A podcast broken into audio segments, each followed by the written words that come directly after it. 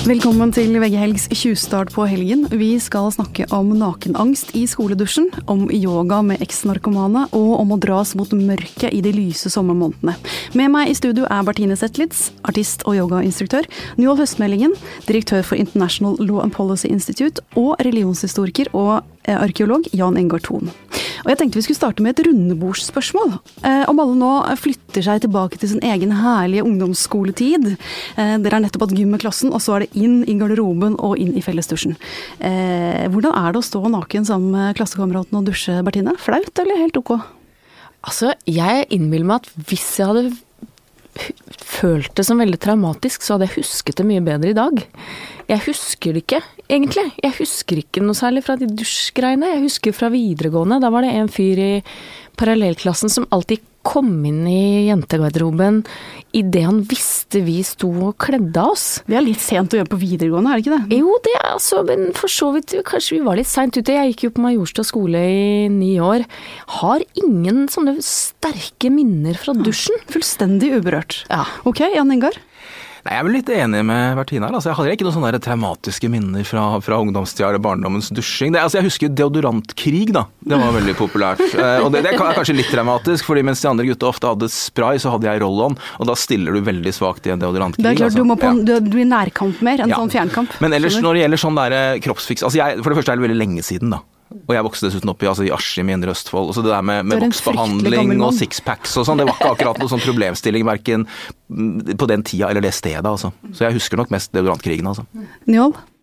Nei, jeg mener jeg, jeg tenker det samme. Jeg husker heller ikke det. Jeg husker dusjene var veldig kalde. Det er det, er det glatt, kaldt, sånn hvitt, eh, ekkelt lys. eh, Knagger, lang rekke bortover. Og ikke deodorantkrig, men sånn håndklekrig. Sånne håndklær som er våte ytterst, som du kunne piske hverandre med. Men ikke noe sånn traumatisk forhold. Jeg heller ikke husker at noen andre hadde det. Jeg kan ikke huske liksom noen ble fritatt for dusjing, eller dusja med læreren, eller ble borte når det var dusjing, eller ikke dusja. Det, det er, men det er også ganske lenge siden.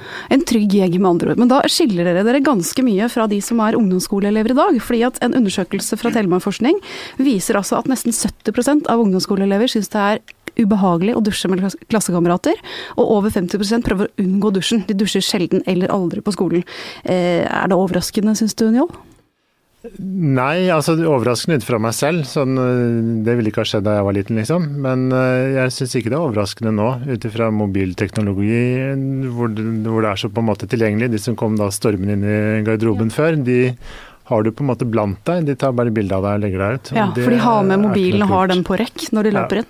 Ja, nettopp. Ja, eller at noen av venninnene dine, de snille, greie venninnene, tar bilde av deg i dusjen. I Stavanger i 2012 så var det slik at en skole, St. Olavs videregående, de søkte om å få båser i fellesdusjen. Sånn at man ikke trengte å se på hverandre når man dusjer etter gymtimen. Og skoleledelsen var helt enig med det, men fylkeskommunen satte foten ned, ville ikke dette. Og da var du ute og sa at det faktisk kan stride mot menneskerettighetene. Ja, kanskje. Poenget var i grunnen Det er litt sånn paradigmeskifter ofte rundt menneskerettighetene. Hva du tenker selv er normalitet, er plutselig ikke det. Og når du får det inn i et sånn rettsfilter, på en måte, så ser du at ok, kanskje den løsningen som vi tror er helt åpenbar, ikke er det lenger likevel. Og dusjingen er et eksempel på det. hvor det før var skolens oppgave på en måte, å passe på at barna dusja etter gymmen. De skulle bruke deodoranten sin og vaske seg under armene, liksom. Og det var hygiene, og det var litt den derre oppfostringa som var viktig, mens det nå øh, vel ikke skolene tenker det så mye mer. At øh, gym er greit, men dusjing, kanskje den hygienebiten ikke er en del av vår oppgave lenger. Når du da kobler det, liksom litt den smuldringen av den normaliteten opp imot hva du risikerer å bli eksponert for når du blir tatt bilde av og lagt ut, eh, om du da ikke har sixpacken, eller om du er litt tykk, eller masse føflekker, eller altfor mye hår, eller hva det måtte være, så er den eksponeringen av ditt privatliv eh, kanskje noe som er mer verdt å beskytte enn at du eh, får lære om personlig hygiene i praksis på skolen. Så privatlivets fred da, har på en måte tatt steg inn i fellesdusjen på skolene. Ja, men også masse andre ting. Altså, du kan også tenke det ut fra et sånn religionsperspektiv. Hvis du er gutt og er omskåret, så må du kanskje stå foran klassen og si at jeg som har pretendert å være ateist, er jøde i stedet, eller muslim, eller at jeg ikke føler at disse religiøse symbolene liksom er noe jeg ønsker å eksponere. Eller det kan være at du syns at det er så ubehagelig. Du har øh, kanskje amputert en arm og syns at øh, såret er helt forferdelig stygt og du ikke ønsker å få dette fram, men at du blir på en nedverdigende måte halt inn i dusjen av læreren eller av klassefellesskapet eller av skolen som da krever at du skal delta fordi øh, ut ifra deres premisser som ikke da stemmer i forhold til deg. Så det er mange ulike typer menneskerettigheter du kan koble inn i det. Så mitt hovedpoeng er i grunnen at siden normaliteten har endra seg, så må du også bruke de normene, de menneskerettighetsnormene ut ifra det som nå er normaliteten, det som nå er virkeligheten. Men er det ikke litt sånn trist også at normaliteten har endret seg? Skulle vi ikke ønske at det var et slags sånn 70-tallssamfunn hvor det var helt fint å stå i dusjen med den kroppen man hadde, og de valkene man hadde, og de føflekkene man hadde? Altså, burde man ikke heller prøve å endre normaliteten tilbake til det den var, da, eller er ikke det mulig? Eh, jo, jeg tenker jo litt det, og det går litt sånn på retten til privatliv og den informasjonen du har rundt deg, som også er en litt parallell diskusjon, men eh, informasjonssamfunnet hvor det er så lett å kunne overvåke enkeltindivider, hvor er det du oppholder deg, hva er det du tjener, hva er det du legger ut av familien din på Twitter osv. At, at, du kanskje nå begynner å bevege deg fra at du selv hadde så kontroll på informasjonen og det ikke ble delt med noen, til at nesten all informasjonen egentlig ligger ute om deg, men hvor man prøver å begrense det, eller i hvert fall overlate til deg selv å ha kontroll på den informasjonen.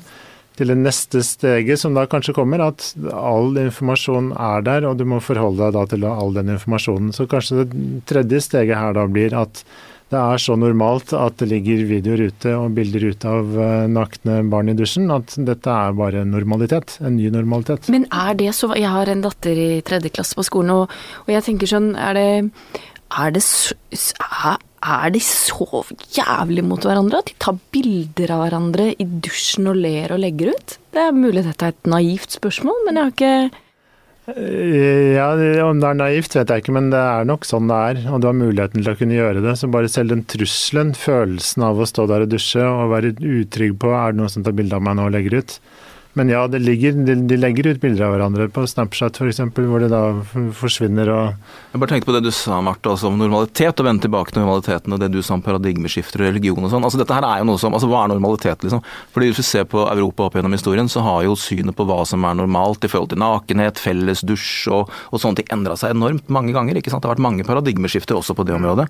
Så vi tenker kanskje at vi lever i en tid hvor vi er veldig moderne, veldig liberale og veldig tolerante. Kanskje ikke så tolerante som på 70-tallet, men jeg vil si at sånn historisk sett så er vi kanskje sånn omtrent midt på teet, Altså. Det har vært mange perioder i Europa hvor man har vært mye mer åpne rundt ikke minst dette her med fellesbad enn det vi er i dag. Mm. Altså I antikken f.eks. Så, så hadde man jo som regel ikke egne bad.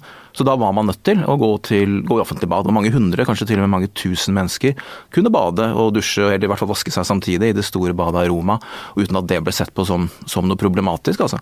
Man kan godt si at det kom et stort paradigmeskifte i forhold til deg med, i forbindelse med innføring av kristendommen i, i på 400-500-tallet. Og det er ikke sånn som mange kanskje liker å tenke på at kristendommen hadde noe imot renslighet, men hvor det, mye av det som knytta seg til offentlig bading, offentlig nakenhet, sånn som prostitusjon og vektlegging på kropp framfor sjel og sånn, førte til at en lang periode i Europa så, så var også dette med renslighet og, og felles uh, vasking og sånn noe som, som, ikke akkurat ble forbudt, men ble sett på som noe litt suspekt. da. Mm. Så vi er litt lausere i snippen i hvert fall enn en da.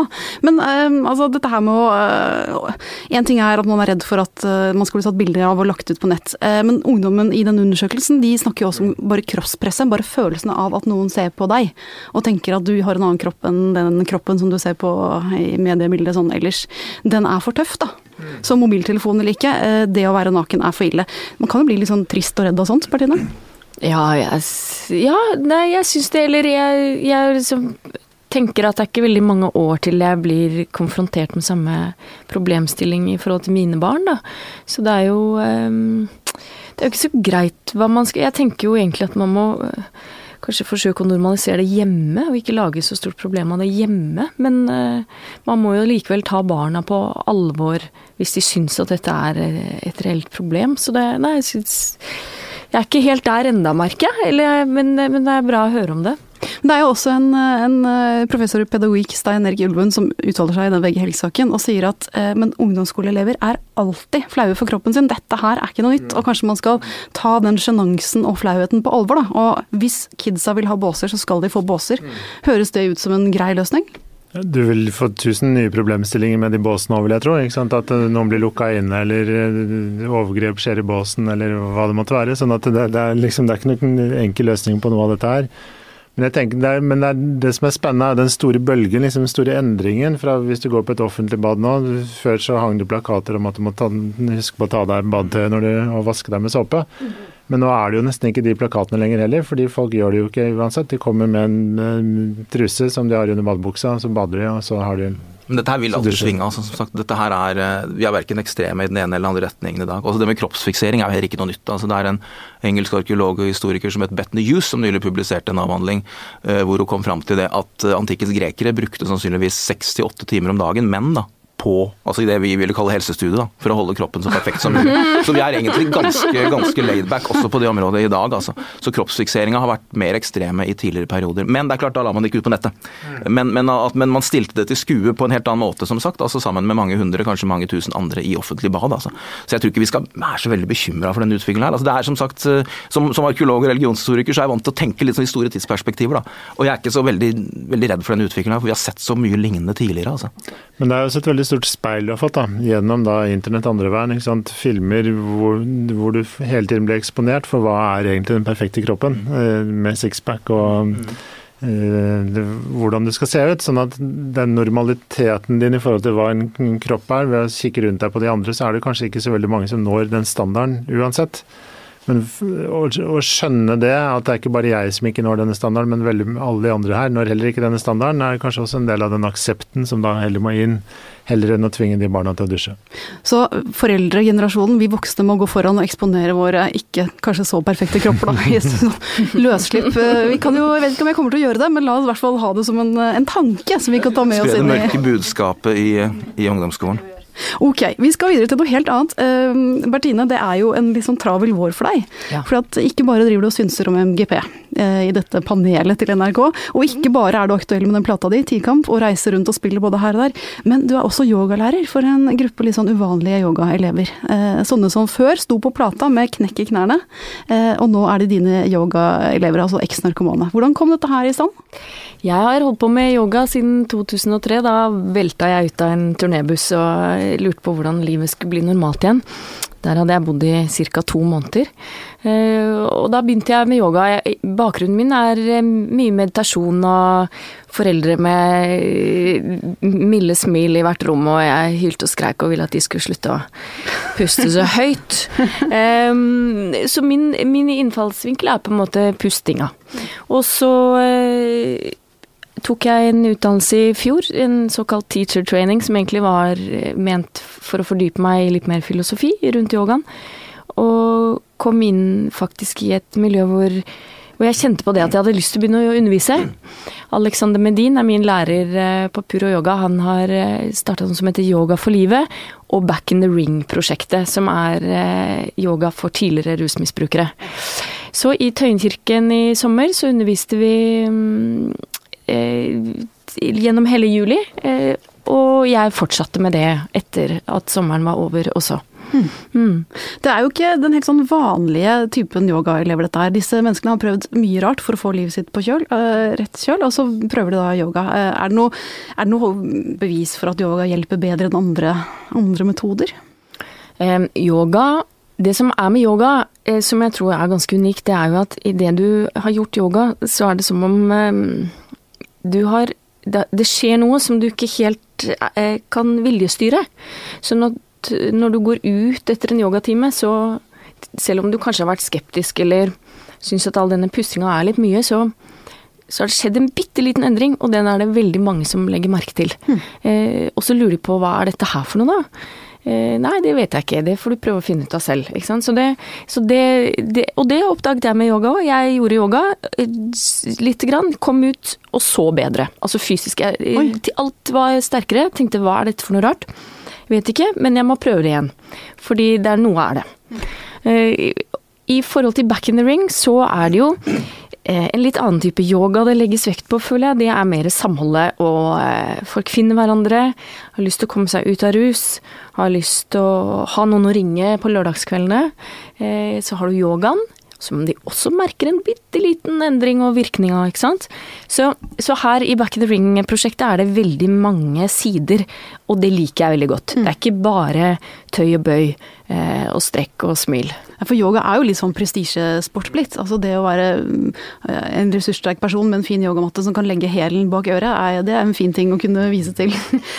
Det er jo det, ikke sant. Men det er jo også bare en substitutt. Folk er veldig urolige inni seg, tror jeg. Helt uavhengig av hvor i byen de bor og hvor mye penger de har.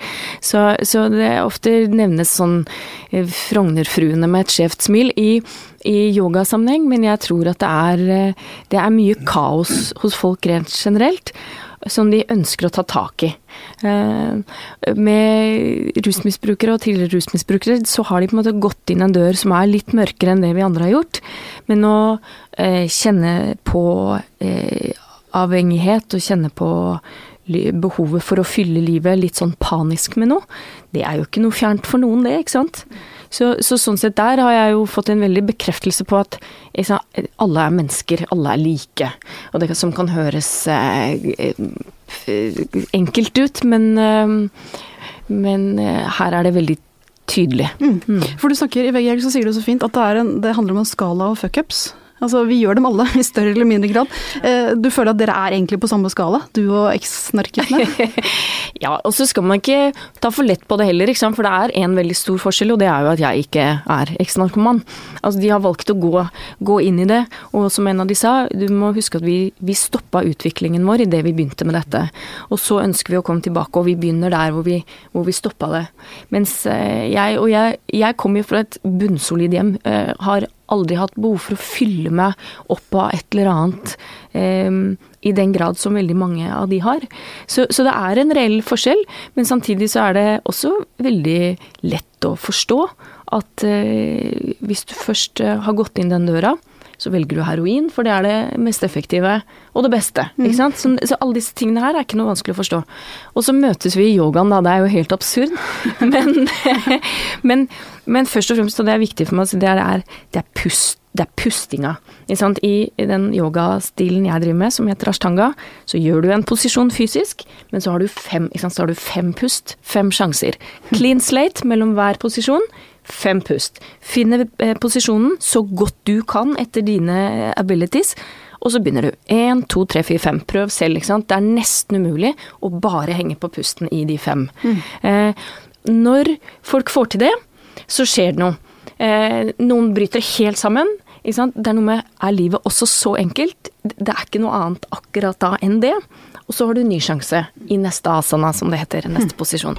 Så det er dette som er yoga for meg, og ikke tightsen og smilet. Men uh, det å møte såpass ulike folk som deg selv, altså det er jo eh, ditt liv, uh, vårt alles liv sikkert. Man har travle dager, du er artist, man har familie, man har jobber. Og så treffer man en type folk som har levd på en helt annen måte. Det må jo gjøre noe med deg på et annet plan enn yogamøte også?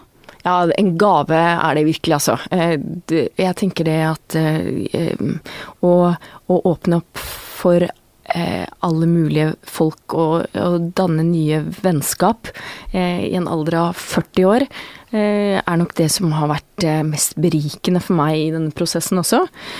Man blir jo ganske sånn konform, man velger seg folk som man har lett tilgjengelig rundt seg. Men her, eh, her har jeg fått muligheten til å utvide mm, horisonten litt. Og det, det, tror jeg bare gjør en ekstremt godt, altså. Ingar eh, Bertine sier at hun eh, mener hun har fått bedre syn av yoga. Og det stemmer jo også faktisk overens med det man har altså, dokumentert faktisk ganske solid fra, fra indisk tradisjon. Da. At folk som driver med yoga, ikke bare som sagt den fysiske yogaen, da, men hele systemet, faktisk kan oppnå nettopp den type fysiske endringer. Da. Altså, det er utrolig hva, og Dette er som sagt relativt sånn solid vitenskapelig dokumentert. altså At yogaøvelser gjennom lang lang tid da, kan føre til at du faktisk endrer deg fysisk og kan få ok, nesten litt sånn overnaturlige evner. Da. Altså, det er helt utrolig hva yogier kan faktisk få til av det som tilsynelatende virker umulig når det gjelder det fysiske. Mm. Så det er ikke noe sånn der, Det høres kanskje veldig sånn uh, okkult alternativt ut, du sier, men det er faktisk også i tråd med, med den opprinnelige indiske yogatradisjonen. altså. Mm. Jeg fikk, eh, vi får ta og rulle ut mattene og ta en liten eh, sesjon her etterpå. Nå fikk jeg første gang i mitt liv litt, litt lyst til å prøve yoga. Så takk for den. Et rundebordsspørsmål igjen. Eh, Skrekkfilm og katastrofefilm, altså monstrene er løs og verden går under. Eh, Topp sjanger eller ikke, Njål? Nei, ikke for meg i det hele tatt. Jeg blir redd bare av å høre musikken. Så det er liksom ikke, ikke min, dette er ikke min del. Bertine? Jeg elsker det. Eh, alt sånn dramatisk og dødsfall og sånn, eh, på sånn mikroplan blir jeg veldig nervøs og redd av. Men, eh, men idet hele sivilisasjoner eh, går med, så blir jeg veldig rolig, altså. Og ned mer potetgull og kos og gale, og større kvinne. bølger. Ja. Jan Ingar? Ja, altså jeg er jo nesten programforplikta til å si ja til begge deler, siden det vel er, er det jeg er her for å snakke om, blant annet. Ja, ja. Men hvis jeg må velge, altså jeg, jeg heller nok kanskje litt mer mot skrekkfilm enn katastrofefilm, da, men, men egentlig ja til begge deler, altså. Ja. Vi går jo inn i høysesongen nå, for det er jo slik at når verden blir lysere rundt oss, da blir den mørkere på kino. Eh, Det starter et rush med premiere på skrekkfilmer og katastrofefilmer nå. Altså Forrige uke var det Mad Max eh, med Tom Hardy. Der kjemper de om makten i en apokalyptisk verden. Jeg Gleder meg til den. Ja, du gjør det? jeg Åh. Jeg gleder meg litt til Tom Hardy. Eh, 22. mai, da er det premiere på eh, remaken av Poltergeist fra 1982. Altså gåsehud egentlig bare ved tanken. 12. juni kommer Jurassic World. Den er jeg ikke så sikker på, altså, men det er jo spådd å bli en av sommerens mest sette filmer. Altså dinosaurene er løse igjen, da. Eh, og 10. juli, Terminator Genesis. Der er det John Connor som skal slåss mot maskinene og må reise tilbake og redde sin mor fra å bli drept igjen, ikke sant. altså. Så det er jo en parade, dette her. Eh, hva er det som gjør at vi trekkes mot det mørke når det er lyst og fint rundt oss, egentlig, Jan er, klart, nå, nå blir det jo ofte lansert mange filmer om våren og sommeren, da. Så, så, så det at det er en del skrekkfilmer dem er kanskje ikke så rart. Men ellers er det helt riktig det du sier, at det kan i virke som om når vi er i en lys tid, og da mener jeg ikke bare sånn årstidsmessig, men hvis vi tenker litt sånn mer historiske perioder også, hvor ting fungerer bra i samfunnet, så virker det som vi trekkes mot det mørke og det uhyggelige, altså. Hvis vi ser på historiske perioder som har vært prega av økonomisk velstand, eh, materiell framgang, politisk stabilitet og sånn, så kan det virke som interessen for både skrekkfilmer og grøsselitteratur har eksplodert, altså, eller i hvert fall økt. da. Og Det kan jo tenkes at det er fordi vi etter hvert kanskje begynner å kjede oss litt når ting er veldig stabilt og veldig trygt, og at vi da prøver å få litt krydder i hverdagen, eller at vi trekkes i det mørke rett og slett for å få en kontrast til den der ganske trygge og øh, forutsigbare hverdagen vi, vi lever i. altså. Så vi har det så bra at vi trenger noe grusomt? Ja, For å si det, å si det litt enkelt. altså. Det, det er i hvert fall en, en mulig forklaring på hvorfor det er eh, visse perioder hvor det med grøssere som sagt, og skrekkfilmer virker som å være mer populære enn andre. Eh, Men kan man tenke seg at det er områder i verden hvor man da ikke er så veldig interessert i å Ja, si man vil jo tro at hvis man, hvis man f.eks. Altså, vokser opp i Mogadishu eller i Bagdad eller i Kabul, så har man kanskje ikke det behovet eller det ønsket for å oppsøke det uhyggelige og det farlige i underholdningsindustrien, da, fordi man opplever kampen for tilværelsen til det daglige, og at det er i trygge samfunn og i trygge perioder at man trekkes mot det. Men altså, en annen forklaring på det der er det at og som ikke nødvendigvis er i motsetning til den første, er det at skrekkfilmer, grøsser osv. Det er også en måte vi kan behandle angstforestillinger og fryktforestillinger på en litt indirekte måte. Og det er jo ikke helt uvanlig at det er i samfunn som er stabile og trygge, hvor det er veldig mange undertrykte konflikter og fryktforestillinger under overflaten, som man kanskje ikke har lyst til eller mulighet til å behandle direkte. Og så behandler vi det altså gjennom, gjennom skrekkfilmer og grøssere. Altså, det blir en slags sånn populærkulturens svar på freudiansk psykoanalyse. Altså. At vi får fram disse fryktforestillingene opp i lyset, og så gjør vi dem på en måte ufarlige. Er det det du gjør, Bertine? Altså når du, du sa at du var litt redd for sånn individ, individplanet av ulykker? Ja, når det blir for nært, fordi da blir jeg nødt til å emosjonelt engasjere meg så voldsomt. Men, eh, men sånn som sant, sånn Mad Max og han der Connor som skal tilbake og slåss med noen roboter og sånn, ja, det er jo så usannsynlig fjernt for meg. Sånn at jeg kan liksom egentlig bare koble av og se på det, og la meg underholde. Så jeg tror ikke, jeg vet ikke om jeg bruker det så mye som bearbeiding. Jeg syns disse dramaene, det er mer sånn som setter seg i mellomgulvet og får deg til å hulke. kanskje også det har vært mer, mer påfallende i litt andre altså, samfunn også enn det vi lever i i dag. Da. Men vi kan jo se på bare et par sånne historiske eksempler. Da. Altså En av de viktigste eh, skrekkromanene, og også filmene etter hvert gjennom tidene, det må sies å være Dracula. Og Den, den ble utgitt ja, sånn 1897-98 omkring, eh, slutten av 1800-tallet. Midt i Victoria-tidas England, ikke sant? hvor det britiske imperium var på det største og det mektigste. altså England beherska sånn ca. 40% av jorda. Og, og det britiske imperium hadde aldri vært så stort og mektig og stabilt som da. Og så kommer altså Dracula. Og det kan jo virke som det bekrefter den der teorien om at når man har det trygt og fint og alt er stabilt, så trenger man litt skrekk og, og, og blod i hverdagen. Men samtidig så var det et samfunn også hvor man hadde masse undertrykte konflikter. Klassemotsetninger øh, og, vi, liksom, sånne ting. Og hvis vi liksom tar bort litt av dette her med hoggtenner og blod og vampyrer, så handler også Dracula veldig mye om fremmedfrykt og om sex.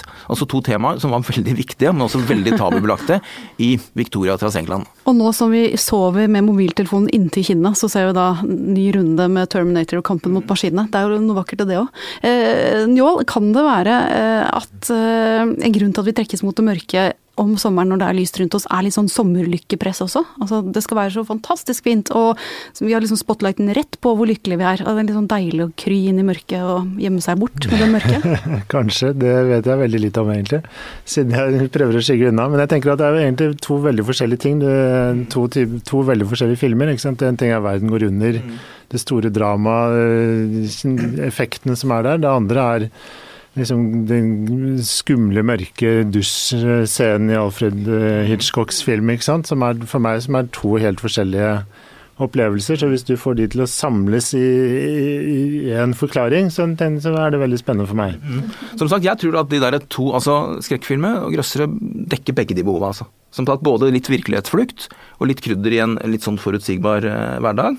Og også det at man kanskje også, som du sier, altså når man hever altså De der hverdagsfryktforestillingene kan være veldig vanskelige. Men når man hever opp på et litt sånn høyere plan, da, verdens undergang eller vampyrer eller noe sånt, så kan man også kanskje få utløp for noen av de de uh, fryktforestillingene på en indirekte og litt sånn ufarlig måte. Altså. Men du har sett Jan Ingar, at uh, vi er veldig opptatt av seriemordere for tida. Mm mer enn av sånn eh, tidligere tiders skurker, så er det nå ja. seriemordere vi særlig fascineres av. Mm. Har du noen teori på hvorfor det er sånn? Så Før så var det liksom skapsprengere og juveltyver og litt sånn der elegante gentlemansforbrytere. Og nå de siste 20 åra så har det vært seriemordere. Nei, altså jeg, jeg, tror kanskje det kan være litt det samme, altså at det er litt sånn der mentalhygiene i det. Altså tank, Kanskje tanken på at uansett hvor mye fælt vi gjør, så er det noen som er verre enn oss. Jeg tror det er litt det der, altså. Ok. Noen eh, av disse skrekkfilmene som noen av dere gleder seg til? Ja, Mad Max uh, uten tvil. Uten tvil, ja. altså. Charlize Theron eh, ah, Nei, det blir bra. Og ekstremt virkelighetsfjernt og nydelig. Deilig. Ja. Jeg må også si at Jeg, jeg kikka på den lista du sendte meg i går, og jeg er ikke sånn der, jeg holder ikke pusten, da, for å si det sånn, men Mad Max ser jeg også fram til. Jeg liker både Tom Hardy og Charlize Theron. Um, Poltergeist har jeg egentlig aldri vært så veldig begeistra for. altså Jeg syns det var litt for mye av en familiefilm. Altså. Jeg er helt for unger i skrekkfilmer, men det må være sånn Damien i Omen-unger, liksom. Altså Sånne gærne unger med stirrende blikk som kommer etter for å drepe deg med en gaffel. Det er jeg helt for. Men, men, eh, men ellers er det Mad Max altså jeg ser fram til. Og du kommer til å sitte hjemme og se en Jeg sitter hjemme og strikker og hekler i stedet, tror jeg. Ser en kunstfilm. Så fint. Ok, vi nærmer oss slutten på denne helgestarten. Eh, noen andre tips enn kinotips? Hva skal man gjøre? Altså, Apropos strikking, det har jeg begynt med nå. Det er også fantastisk terapi. Jeg trodde aldri Jeg har alltid sett på farmoren min eh, strikke ca. én Marius-genser i uka, og nå er jeg bitt av basillen selv. Så nå er jeg snart ferdig med skappeljakka her, da. Oi, oi, oi. Strikking er den nye mindfulnessen, vet du. Det, det er så ja, tilfredsstillende med strikking. Gratulerer med den. Så jeg sier inn i helgen med pinne på strut. Jan Ingar? Altså, jeg, jeg syns jo våren og sommeren er en fin tid for grøssere, altså. Men kanskje istedenfor å se filmer, lese en bok. Altså, vi har jo faktisk en, en grøssertradisjon i Norge også. Les en grøssebok, ja. Les, les ja. uh, De dødes tjern eller Nattmennesket av André Bjerke, oh. eller, eller, se De dødes tjern-filmen. Eller les Jernvognen av Stein Riverton. Altså. Vi har veldig mye å by på her i Norge òg, altså. Deilig. Jeg blir bare redd bare jeg hører tittelen her, men, uh, så jeg vil ikke gjøre det. Men jeg vil mye heller dra og padle, som egentlig også er en form for en sånn yogabevegelse, ikke sant? hvor du repeterer. Og du til slutt, når du har padla lenge nok, så kommer du inn i en sånn transefølelse hvor du bare flyter helt av sted. Og nå er det helt, er det helt supert for padling. Bare pass på hvilket tjern du padler ut på. Ja, det skjønner jeg nå. Takk til Magne Antonsen som har vært vår produsent. Takk til dere. Vi høres igjen neste uke.